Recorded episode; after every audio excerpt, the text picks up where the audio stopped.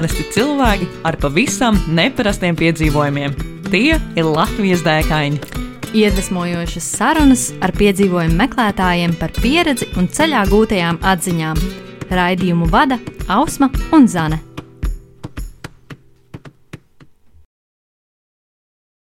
Esiet sveicināti Latvijas dēkāņu 42. epizodē. Ar jums šodien kopā Zane, Ausma un viesņa Evija. Čau, Evija! Čau! Uh, Evija ir uh, sociālās jomas darbinieks, un um, tas patiesībā ir viss, ko mēs par viņu zinām.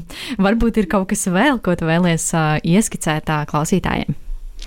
Nu jā, es ikdienā strādāju sociālajā sfērā, esmu aktīvists nevalstiskajā sektorā un ļoti izbaudu to, ko es daru. Un, Būtībā man ļoti patīk ceļot, kā var noprast droši vien pēc manas esamības šeit.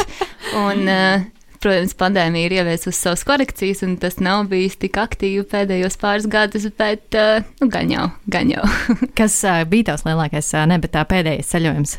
Pēdējais ceļojums. Un kad tas bija? Un kad, jā, man Jā, liekas, ka tā kā tik ilgs laiks ir pagājis. Man šķiet, ka pēdējā reize bija Grūzijā, kur es Mm. aizdevos tieši pirms pandēmijas, vasaras beigās, rudens sākumā.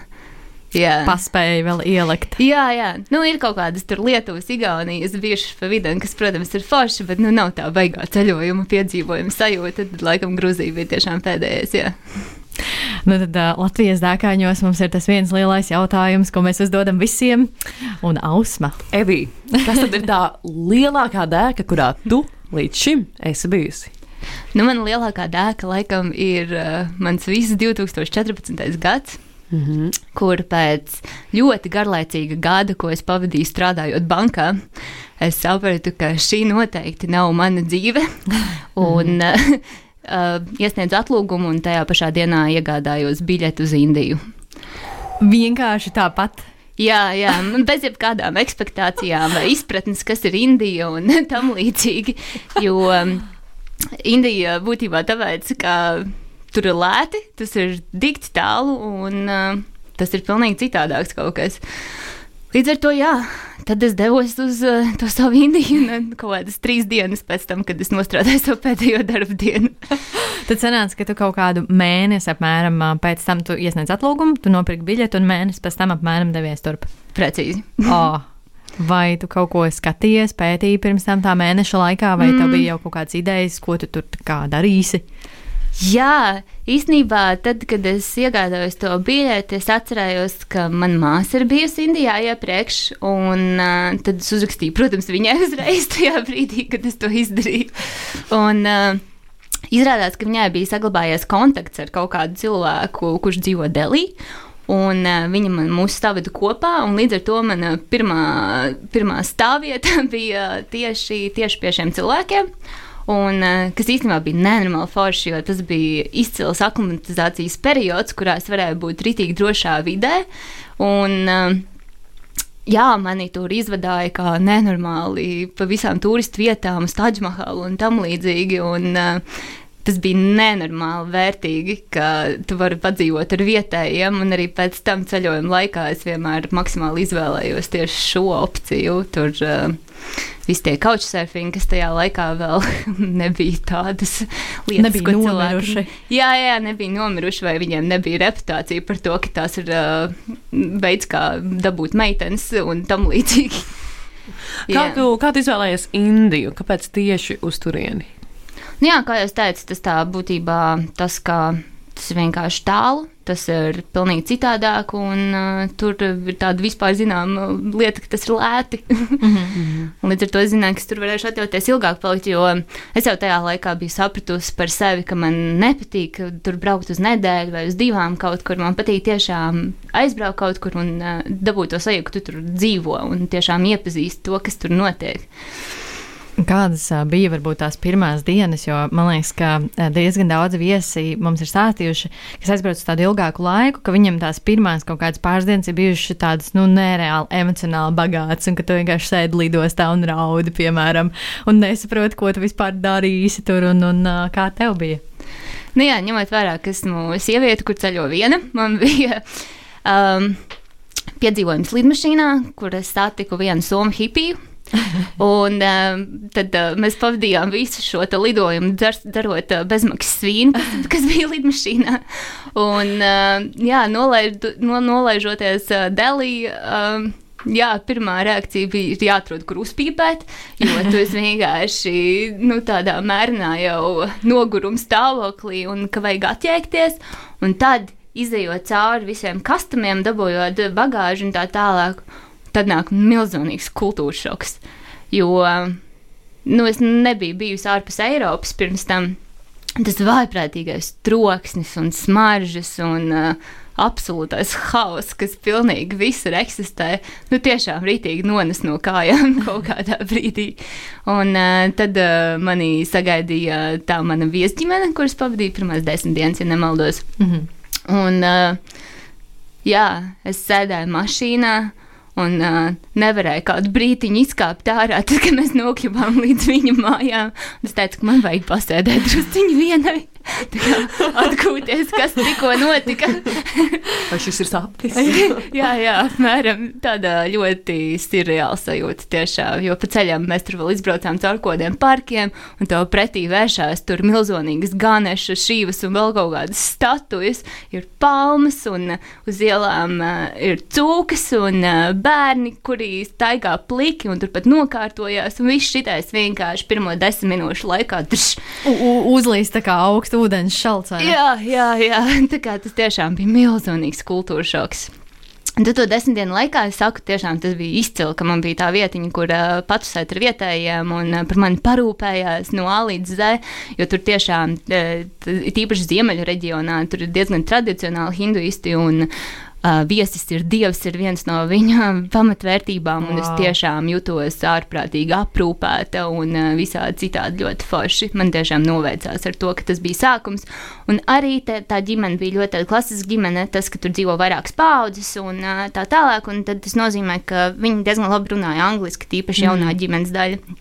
Un man ģimenes sievietes apsēdināja un rūpīgi izstāstīja, kā, kā meitenei Baltai vajadzētu uzvesties Indijā. Oh, man bija arī tā, tā, tāds ievadkurs par to, to, kā būt Indijā, un man šķiet, ka tas man iedeva vislabāko un visvairāk informāciju par to, kā, kā tiešām tur eksistē. Un varbūt to arī mums arī ieskicēt kaut ko no tām domu pērlēm, ko tev deva šī ģimene. Nu, būtiskākais, ko pirmā pateica, ka maksimāli nestaigāt vienai, ir īpaši dienas tumšajā laikā, pa dienu vēl esot ok. Un uh, tas, ka tu esi balts turists, noteikti iedod kaut kādu nezinu, vai tas ir labs vārds, bet pietāti no apkārtējiem. Mm -hmm. Un nu, tādā ziņā, ka tu esi pamanāms tiešām, un uh, tas risks drusciņi samazināms. Patiesībā, jā, turistu sievietēm esot uh, pat drošāk mm. nekā vietējām sievietēm pārvietoties mm vispār Indijā, kas man bija pārsteigums un likās, ka nu, tieši otrādāk, jo balts sieviete pievērš vairāk uzmanības, bet uh, viņas man skaidroja, ka tieši saistībā ar to tas ir drošāk. Un, uh, jā, es. Uh, tajā periodā arī pārvietojos ar vilcieniem diezgan daudz, tīpaši tiem garajiem pārbraucieniem, jo tā Indija ir milzīga. Vilciens uz Varanasi. gan drīz kā Dona dziesmā, jā. es gan nebiju Varanasi, jāsaka, bet, bet man bija vilciens uz Amdabādu un pēc tam uz Keralu. Un, Jā, vilcienā savukārt kategoriski man pateica, ka nekādā gadījumā nevar ņemt trešo un otro klasi, ka ir jāņem noteikti tās lielās klases, labās klases, kur ir katram savs atsevišķs nodalījums, un mm. nu, arī drošības aspektu dēļ, tāpēc, ka vilcienā nesot nekāda drošības personāla un tā tālāk. Nu, visādi šādas lietas par kaut kādām ikdienas, uh, ikdienas pārvietošanās. Uh, tas, tas bija tikai būtiskākais, ko man tur iezīmēja. Bet visādi citādi es, jāsaka, nevienu brīdi nejūtos apdraudēta. Bet, uh, es arī uh, diezgan ātri atradu sev indiešu boyfriendu, kas, kas man pašai nāca kā tāds patīkams pārsteigums. Un uh, tad uh, viņš pavadīja kaut kādu daļu laika ceļojot arī ar mani. Oh, līdz ar to tad, uh, vēl vairāk tādas drošības sajūtas, esot ar vietējo čāli, protams, ir uh, citādāk nekā pilnīgi, pilnīgi vienai esot. Mm -hmm. Kā jūs uh, iepazināties? Ha. Aha, uh, tātad. Uh, es devos vienā brīdī kaut kāds nu, trešā nedēļa Indijā laikam, un es devos uh, vienā brīdī uz Goa pusi, jo man gribējās to redzēt okeānu pēc iespējas ātrāk. Un uh, es atradu Airbnb, kur uh, ir viens amerikāņu čalis, kurš vēl joprojām, starp citu, ir viens no maniem labākajiem draugiem, kur viņš uh, nu, kā, ņem viesus. Un uh, tajā Airbnb uh, tad uh, nu, es iepazinos ar to čali, mēs kaut ko izgājām ārā vakarā. Tur nezinu, iedzert tālu laikam, un um, tad uh, uzrādījās uh, tas vietējais čalis, ar kuru mēs divu dienu laikā laikam jau sākām draudzēties. Un uh, tad, nu, tas bija izcili romantiski. Man- Viņš, uh, amerikāņu čalis saprata, ka mums kaut kas tur notiek, un uh, viņš uh, tā izmanīgi pazuda no tā, no tā bāriņa. Un uh, tad ar to. Jā, jā, jā. O, paskaties, cik vēls. Vēl daudz cik pulkstenis, jā. Uh, Un, uh, jā, tad uh, viņš man aizveda tādā ritīgi naksnīgā romantiskā braucienā uz savu skūteri, paskatīties zvaigznes. Un tad jau, jā, tad uh, kopš tā laika mēs palikām kopā gandrīz uh, visu manu Indijas braucienu. Tur pa vidam gan bija pauzes, kuras arī gribēju pabūt tiešām viena, bet uh, jā, tā vienkārši. Sanāk, cik ilgi biji kopā Indijā? Es Indijā biju četrus mēnešus, manuprāt. Mm -hmm. Jā, četrus. sanāk, tev bija biļete tikai vienā virzienā, un tu pat īsti nezināji, ka. Tu man bija biļets divos virzienos, jo tā bija lētāk. Mm. -hmm. uh, man likās, ka es neņemšu to atpakaļ ceļa, bi nu, neizmantošu to atpakaļ ceļa biļeti, bet tad uh, notika pāris lietas, kas lika man tomēr atgriezties Latvijā. Bet nu, Latvijā pēc tam es paliku mēnesi, manuprāt, un devos pēc tam nākamajā piedzīvojumā. Wow. Kas, kas bija tas, ko tu eh, darīji Indijā, mm, tādā ikdienas izpratnē? Tu minēji, ka tu tur devies un tu dzīvo četrus mēnešus, un tas ir nu, gana daudz, lai ne tikai iedzīvotos un iepazītu vietējos, bet uh, uh, cilvēkiem droši vien šobrīd ļoti, ļoti rodas jautājums, nu, kā tad Evija to varēja atļauties? Vai tad viņa tur strādāja uz vietas, vai varbūt viņa bija sakrājusi naudu pirms tam, un uh, kā tad bija? Nu, jā, tajā gadā, kad es nopirku biļetes, uh, tad vēl bija pēdējais Latvijas gads. Mm. -hmm. Tas bija decembris. un, uh, man tajā brīdī, tātad biļetes man izmaksāja tajā laikā apmēram 200 vai 300 latus. Mm -hmm. Un uh, tad, kad es devos prom 2. vai 3. janvārī, kaut kas tam līdzīgs, tad um, es iemainīju apmēram 1200 latus uz rūpijām. Mm -hmm.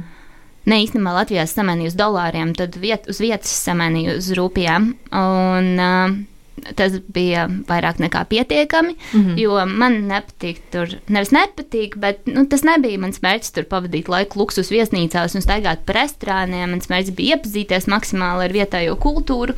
Un uh, to darot, es arī īstenībā samazinu ceļojumu izmaksas attiecīgi.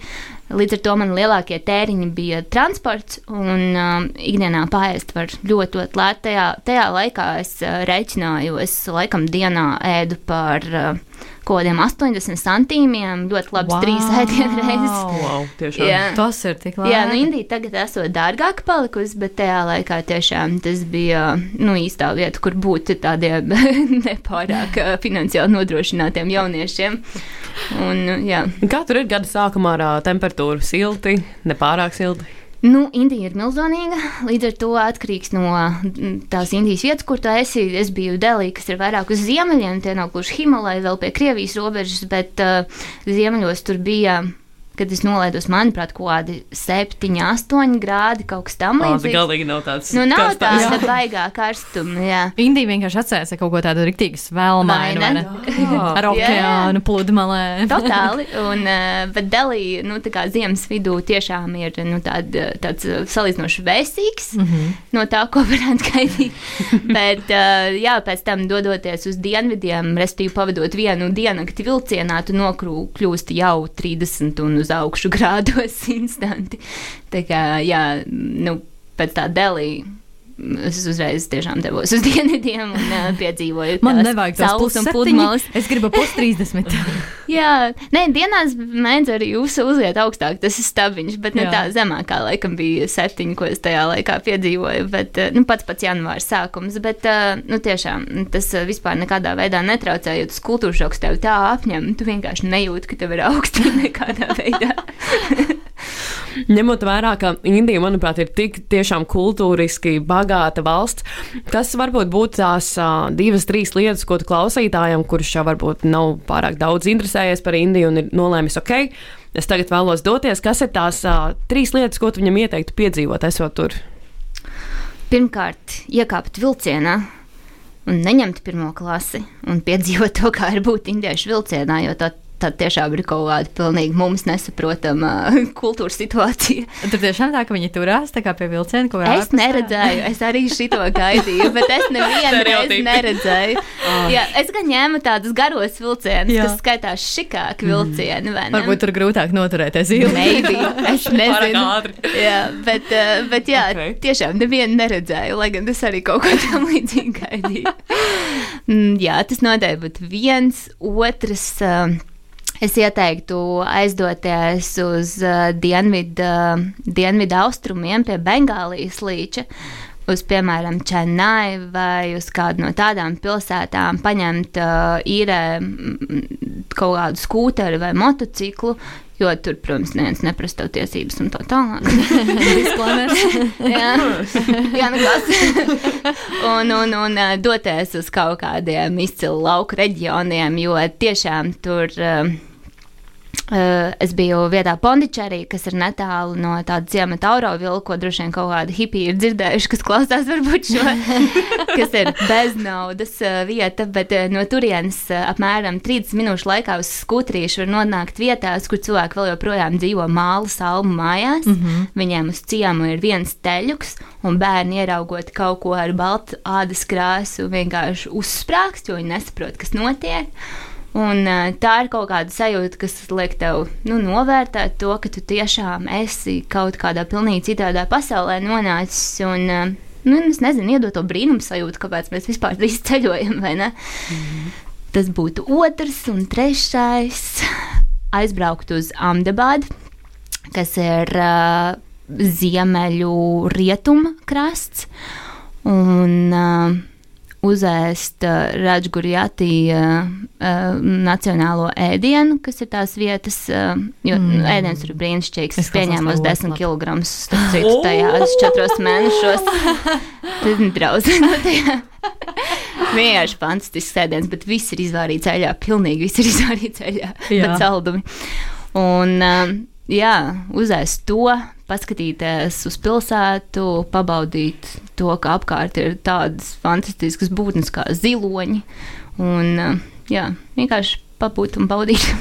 Skaisti. Tur arī sarunas sākumā teica, ka tas bija tavs tāds piedzīvojumu bagātākais gads un, un um, vesels gads, bet tu ieskicēji mums uh, to, kā tev gāja Indijā. Un tad tu minēji, ka tu uz mēnesi atgriezies Latvijā, un tad tu atkal devies prom. Ka, ka, kas, kas notika?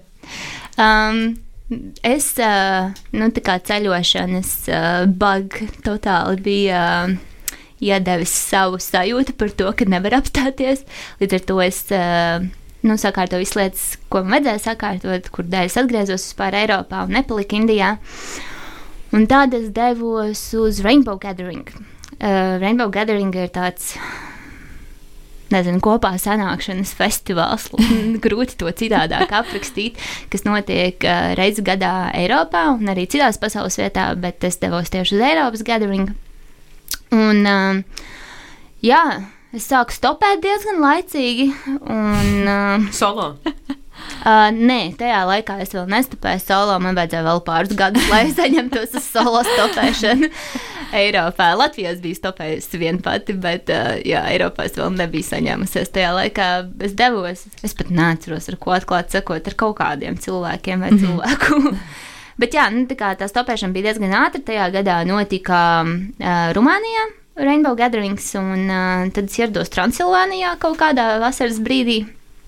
Un, uh, jā, kaut kādas divas, trīs nedēļas dzīvojos ar hipijiem kalnos, uh, bez pilnīgi jebkādām uh, ekstrām, tikai ar savu ļoti švako 5 eiro teltiem, kurai, protams, lija viss cauri. Pirmās divas dienas es uh, biju atkal kaut kādā kultūras šokā nonākusi, jo tur tiešām cilvēki staigā kaili un uh, skliedz viens otram, ka mēs viens otru mīlam, mēs esam ģimene. Nu, tāda kaut kāda, nezinu, mazs mākonītis, uz kuru jūs visi kopā tur piedzīvojat. Un, uh, jā, sēdēju teltī, bija rītīgi nelaimīga, apjukusi, un man bija augsti un slabi, jo man 5 eiro telts totāli nebija tam paredzēta. Un, uh, bet jā, ko pēc tam uh, iepazinos ar Es zinu, ka tas izklausās traki, bet tas ir viens no visnormālākajiem piemēriem par to, kāds cilvēks var satikt Rainbow. Es iepazinos ar druīdu gados no Vācijas, kurš tātad piekopa šīs druīdu prakses. Viņš man iemācīja uh, izlikt taro kārtas. Oh, Mēs pavadījām laiku pie ugunskura. Un- tā stāvās kaut kāds mans ceļš Rainbow, un tas bija pirmais no tagad jau pieciem vai sešiem Rainbowiem, kurus esmu braukusi. O, Vasarās. tik forši. Jā, absolūti iemīlējos tajā vidē. Un... Tajā mākonītī, kur jūs dzīvojāt. Un... Jā, jā, nu tā, ka tu vienkārši iesniedz atlūgumu realitātei uz pāris nedēļām. Godvārds, tas ir kaut kas uh, neaptverams. Ja tu iedomājies, kā varētu cilvēki dzīvot kaut kad sen atpakaļ laikā, uh, tikai rūpējoties par to, pa, lai, lai, lai visiem viss ir forši un ir komūna un viss šis, kas man personīgi ir kaut kas tāds uh, baigi patīkams. Mm -hmm. Tad tas ir jā, kur, kur var aizbraukt uz Rainbow Gathering. Jā, klausītāji, ausies. Es jau plānoju iegūglēt šo pēc mūsu sarunas. Jā, bet uh, Rainbow Gathering ir tāds ļoti sens veidojums, ja? Tā kā, un arī uh, nav domāts, lai uh, tur varētu nokļūt visi, bet tikai Rainbow Family. Mm -hmm. Tā kā adresi, nu, restīvi, tur, kur notiek, tur tu vari iegūt tikai caur privātiem kontaktiem. Mm. ok. Tad, tad, nu, tā kā tā nopietni. Jā. Jā. Nu, tā, tajā pirmajā gadā Rumānijā laikam bija 2000 cilvēki, bet ir arī reizēm Eiropā notiek arī pasaules gadaringi, un tur jau ir stipri lielāki tie cipari, un Amerikā vispār tur jau par 10 tūkstošiem un uz augšu var runāt par mm -hmm. tiem dalībniekiem. Latvijā arī kaut kas tāds notiek. Latvijā mums ir Rainbow Family Group, tāda Facebookā, un mēs tā kā diezgan. Nu, zinām, viens otru. Mm mhm. Nu, tā kā rainbowietis atpazīst rainbowieti. un, uh, nu, jā, mēs uh, reizēm esam kaut kāds mantra jam vai uh, nu, vienkārši pavadām laiku kopā, vai no atsevišķi ar kaut kādiem dažiem vai lielākos. Bet uh, tieši Rainbow Gathering mēs neesam uztaisījuši Latvijā. Bija paredzēts kaut kad, bet tā arī tas nenotika. Tas notika Lietuvā, jo mēs esam nu, tik maza valstīm, ka mēs taisījām Baltic Gathering, un tas notika pie Latvijas-Lietuvas robežas, bet Lietuvas pusē. Mm -hmm. Jā, Nu, un, un kas tad notika pēc tam? Jo es, es, es esmu mazliet vairāk informēta ja, par tavu dārgaino gadu, uh, bet uh, noteikti kaut kas vēl bija. Jā. um, atkal viss, protams, saistīts ar vīriešiem. Um, es, um, es devos pēc tam mazā izbraucienā ar šo ķeltu druīdu un uh, vēl pāris cilvēkiem, kas bija latvieši no Rainbow. Mēs nolēmām aizdoties līdz Stambulai. Mm -hmm. Pa ceļam uz Stambulu, esot vēl Rumānijas, uh, Transilvānijas tajos kalnos, mēs pa ceļam iebraucām uh, pie šī druīda kaut kāda zināma cilvēka, kuram pieder bifeļu ferma uh, kalnos. Un uh, tā ferma bija vienkārši izcili maģiska. Nu, tā kā nu, tiešām nekurienes vidus starp čigānu ciematiem. Mm -hmm. Un, uh, Nu, tā kā aizraujas elpa no gan tās vidas, gan arī tās sajūtas, jo tas īpašnieks, uh, viņš uh, ir atbraucis pats no Indijas, un uh, kaut kāds 20 gadus atpakaļ izdomājis, ka viņš Rumānijā grib uh, audzēt uh, Indijas ūdens bifeļus. Un uh, vienkārši to sācis darīt, jo viņš vinēja to zemi kaut kādās darībās. jā. nu, tā, nu, nu, nu, man normāli patīk šī tāda krāsaina, traki cilvēki. Un Tāpēc man tas, protams, gan tas cilvēks, gan tā vide uh, instanti apbūra. Bet jā, mēs tur pavadījām kaut kādas pāris stundas. Uh, tad mēs devāmies tālāk, visu to Stambulu un tā tālāk. Pa ceļam bijām arī Bulgārijā, protams. Nu, visu kaut ko apskatījām. Bet apakaļ ceļā mēs šķīrāmies uh, Bukarestē, atpakaļ jau Rumānijā bijām. Un es jūtos mazliet slima tajā Bukarestē, nu tāda, nezinu, vāja un tā tālāk, tā ka es negribu uzreiz stopēt vai mm -hmm. domāt par kaut kādu māju braukšanu. Un tad es sazinājos ar to fermas uh, īpašnieku, un um, nu, mēs vienkārši sanājām, ka es varu tur pāris dienas padzīvot, atpūsties un uh, savas- spēkus. Jā, jā, tieši tā. Mm -hmm. Nu, apmēram tās pašas dienas vakarā, kad es tur nokļuvu, mēs dzērām vakarā vīnu, ēdām super garšīgas lietas, ko varēja uztaisīt no bifeļiem, jo tajā laikā vēl nebija vegāns. Un, jā, viņš teica, nu, bet tev ir jāpaliek. Es teicu, man arī tā liekas. un, un tad es tur paliku pusgadu vēl. wow! Oh, tik labi! Nu jā, un tad es tur mācījos rumāņu valodu, piesaistīju brīvprātīgos, mēs uztaisījām tur Airbnb, es Oh, tur krāsoju istabas un tā tālāk. Bija ritīgi izcili, jā, un iepazīties ar uh, tiem vietējiem romiem, kas dzīvoja blakus ciemtās, arī bija izcili. Protams, tur neviens nerunāja nekādā man saprotamā valodā, bet uh, tās cilvēku kaut kāds pārpasaulīgais dzīves prieks, ko tur varēja mm -hmm. ieraudzīt, lai gan viņi nedzīvo tur fantastiskākajos apstākļos. Bet jā, tas bija kaut kas izcilvarens, un man vienreiz nebija garlaicīgi tajā visā periodā. Iemācījos kaut ko arī par uh, food forests, jeb uh, ēdienu mežiem. Es nezinu, kāds Latvijas kristulkots mm -hmm. par to, kā audzēt pārtiku un uh, nu, tādā pašpietiekamā veidā. Nu, visu kaut ko. Katrā ziņā, jā, tas bija fantastiski. Wow! wow. Tas ir ļoti iespaidīgi, jā, jo man liekas, tas tāds nu, Tas tā ir kā piepildīts gads. ļoti, ļoti, jā. Kas bija varbūt viens no taviem lielākajiem motivatoriem, tik, nu, es nezinu, vai tik bieži mainītās vidas? Kas ir tas, ko tu um, meklē?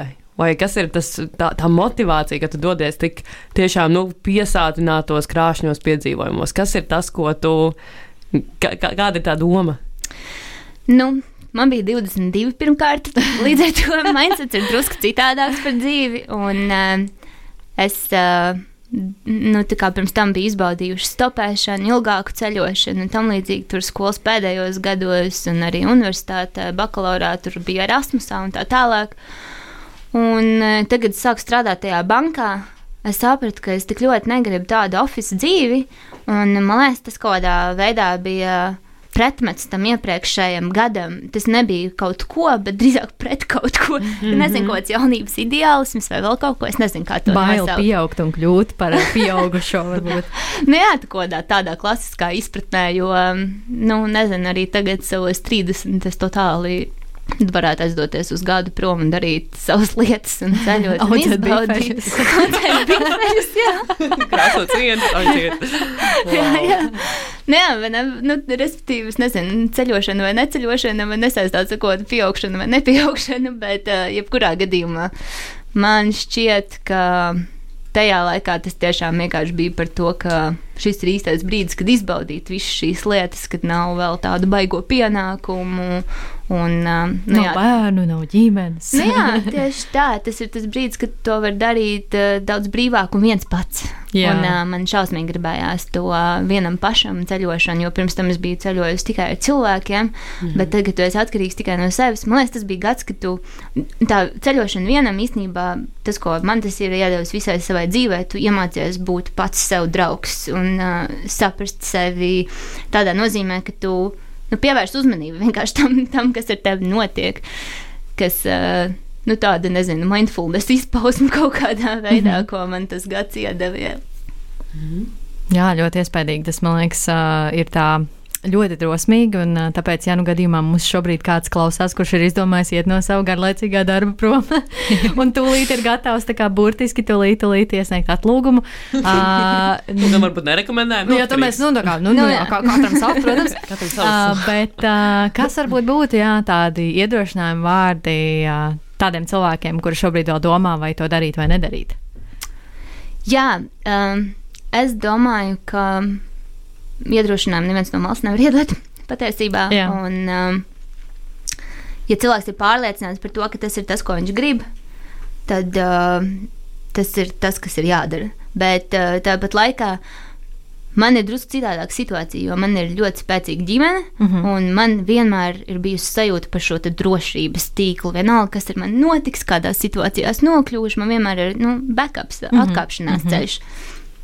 Līdz ar to es eh, ieteiktu cilvēkiem, kuriem varbūt nav tā, tā, tā, tāda tik normāli novērties dzīvē kā man ar ģimeni, varbūt uh, pamēģināt uh, nodrošināt šo, savu šo atkāpšanās ceļu, jo tas iedod to drosmi un sajūtu par to, ka tiešām to var iet un darīt, un nekas uh, no tā, nezinu, manā dzīvē nepaliks sliktāks.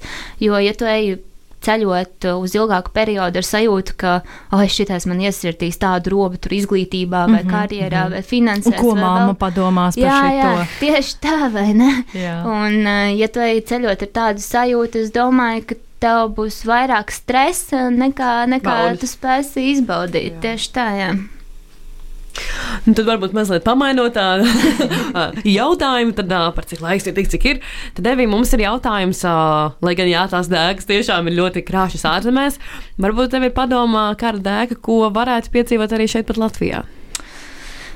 Nu, varbūt ne gluži dēka, bet es varu pastāstīt, kas ir mana mīļākā lieta, ko darīt Latvijā. Ah, un... Lūdzu, es, es jau ar nepacietību klausos. Man liekas, katrs tavs stāsts ir bijis tik, tik, tik aizraujošs. ka es jau- Sagatavojies vīlienam. Oh, Man nenormāli patīk paņemt vienkārši telti. un Doties uz kaut kādu skaistu vietu pie ezera, vai pie jūras, vai vienkārši mežā, un uh, pavadīt tur laiku. Un viss. Un, uh, man ne, ne, man ne, nepatīk tie īsie ceļojumi, kā jau es teicu. Man nepatīk tur uz, arī Latvijas kontekstā uz vienu, divām dienām tur brīvdienās aizbraukt. Man vajag nu, vismaz nedēļu tur padzīvoties. Un tad vasarā paņemot telti, nokļūstot kādā skaistā vietā, kur drīkst kurt ugunskura. Un uh, paņemot līdzi grāmatas, un uh, nezinu, kādu mūzikas instrumentu vai vēl kaut ko. Man šķiet, ka tas ir tas foršākais, ko Latvijā var izdarīt. Un tu dabū ne tikai piedzīvojumu sajūtu, jo laiks iet pilnīgi citādāk, kad tu nokļūsti ārpus pilsētas un uh, tiešām dzīvo dabā. Un, uh, Tu vari tiešām atpūsties un uh, reflektēt par to, kas ir tas, ko tu gribi. Tā ir ritīgi, tas tāds ritīgi labs veids, kā saprast, uh, kas ir tas, ko tev gribās. Un, um, man liekas, ka kādiem cilvēkiem, kuriem uh, varbūt telts liekas, uh, nu tā kā nē, nu to var visu pielāgot, uh, nezinu, dzīvo savā mašīnā vai vēl kaut kur. Hamoks vienmēr ir opcija arī. Tā arī Jā, nu tieši mm -hmm. tā, vai ne? Nav jau īsti problēmas, bet tas, ka tu esi dabā, var uzkurt to uguntiņu pats, uzvārīt to tēņu pats bez elektriskās tēkanas, tas iedod kaut kādu ritīgi labu sajūtu par to, ka tu nu, neesi tur kaut kāds baigais baltrocītis un uh, ka tu tomēr atceries uh, otrs. Saknes. Nu jā, nu kaut ko tā kā par, par ko vispār um, mēs šeit visi darām un kāpēc. Cik ā, bieži tu pati mēdz tā aizmukt ā, no ikdienas ā, kņadas, teiksim, vasaras ā, periodā? Nu, maksimāli bieži. maksimāli bieži. Nu, tagad, Covid pandēmija, esmu beigas uh, Covid bailulis, jā, es tur tiešām maksimāli visu ievēroju un uh, tur izvairos no cilvēkiem un tā tālāk, bet uh, nu, tā kaut kādā normālā vasarā, kad, kad viss ir ok, es teiktu, ka tā noteikti ir katra nedēļas nogale, ņemot vērā, ka esmu iekārtojis savu dzīvi tā, ka es maksimāli strādāt attālināti jau vairākus gadus. Es uh, paņemu savu kompi un vienkārši dodos arī strādāt kaut kur ārpus Rīgas. Uh, nu jā, es nesaku, man nepatīk Rīga. Rīga ir rītīgi forša pilsēta, bet uh, nu, baigi prasās tomēr to svaigo gaisu mm. un uguni. Jā, man Klusumu. šausmīgi patīk ugunskura. Mm. un klusumu, jā, arī dzen. Miegs taču labāks ārā. Tā jau ir, tā jau ir īpaši pēc tādām fiziskām aktivitātēm. Jā. Kad tu esi ilgi centies iegūt ūdens, un tā tā garšo pavisam citādi. Tas Jā, ir tik ne? ļoti patiesi. Jā. Mm. Super, paldies tev, Evī, ka tu atradi laiku un atnāci pie mums ciemos. Paldies. Ā, Paldies manuprāt, jums. Šis bija viens no tādiem aizraujošākajiem gadiem, ko mums ir nācies dzirdēt no mūsu dēkaņiem. Un, ā, jā, klausītāji, mēs ceram, ka arī tev ļoti patika, un ā, mēs ar jums tiekamies Pēc divām. Nedēļām. Čau! Čau! Ko tu parasti dari, kad dodies pārgājienā un tev reāli apnīk? Nu, es laikam sāku dungot. Pacu, Na, pacu, pacu, pacu, na, na, na, pacu, pacu, na, na, pacu, na, na, na. Iedvesmojošas sarunas ar piedzīvojumu meklētājiem, viņu pieredzi un ceļā gūtajām atziņām. Katru otro trešdienu, pulkstens 11. Radio Nabaviļņos. Raidījumu vada Ausma un Zana.